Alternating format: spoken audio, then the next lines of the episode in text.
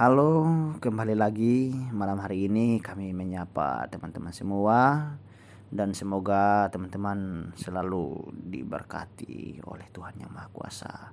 Nah, kali ini berita datang dari pemerintah Kota Kupang juga, yaitu di Kota Kupang, di mana pemerintah Kota Kupang uh, menerima dokumen rancangan anggaran Pilkada Kota Kupang tahun 2024. Nah, pemerintah Kota Kupang menerima dokumen rancangan anggaran Pilkada Kota Kupang tahun 2024 di uh, dari komunikasi uh, minta maaf dari Komisi Pemilihan Umum KPU Kota Kupang.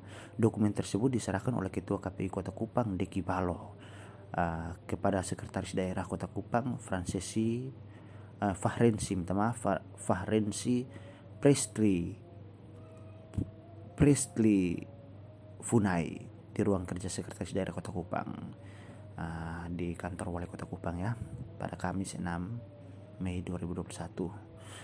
Uh, dalam pertemuan tersebut, Sekda didampingi oleh Kepala Badan Keuangan dan Aset Daerah Kota Kupang, uh, Dr. Anda Taurise Balina Oi, dan Kepala Badan Kesatuan Bangsa dan Politik Kota Kupang, Nocenus Loa. Nah, Sekretaris Daerah Kota Kupang uh, setelah menerima dokumen tersebut menyampaikan bahwa rancangan tersebut uh, diterima dan akan dilihat secara teliti dan dibuatkan kajian. Uh, menurutnya dalam pengajian inspektorat juga akan membantu dan perlu dilakukan konsultasi dengan BPK sehingga tidak ada masalah di kemudian hari.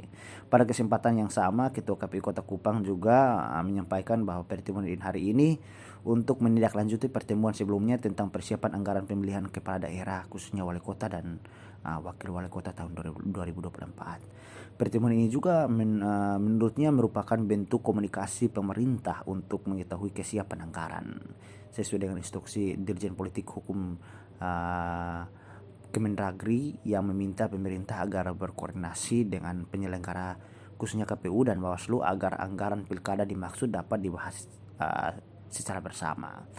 Uh, dengan demikian, pemerintah dapat lebih siap untuk menyiapkan anggaran pelaksanaan pilkada tahun 2024.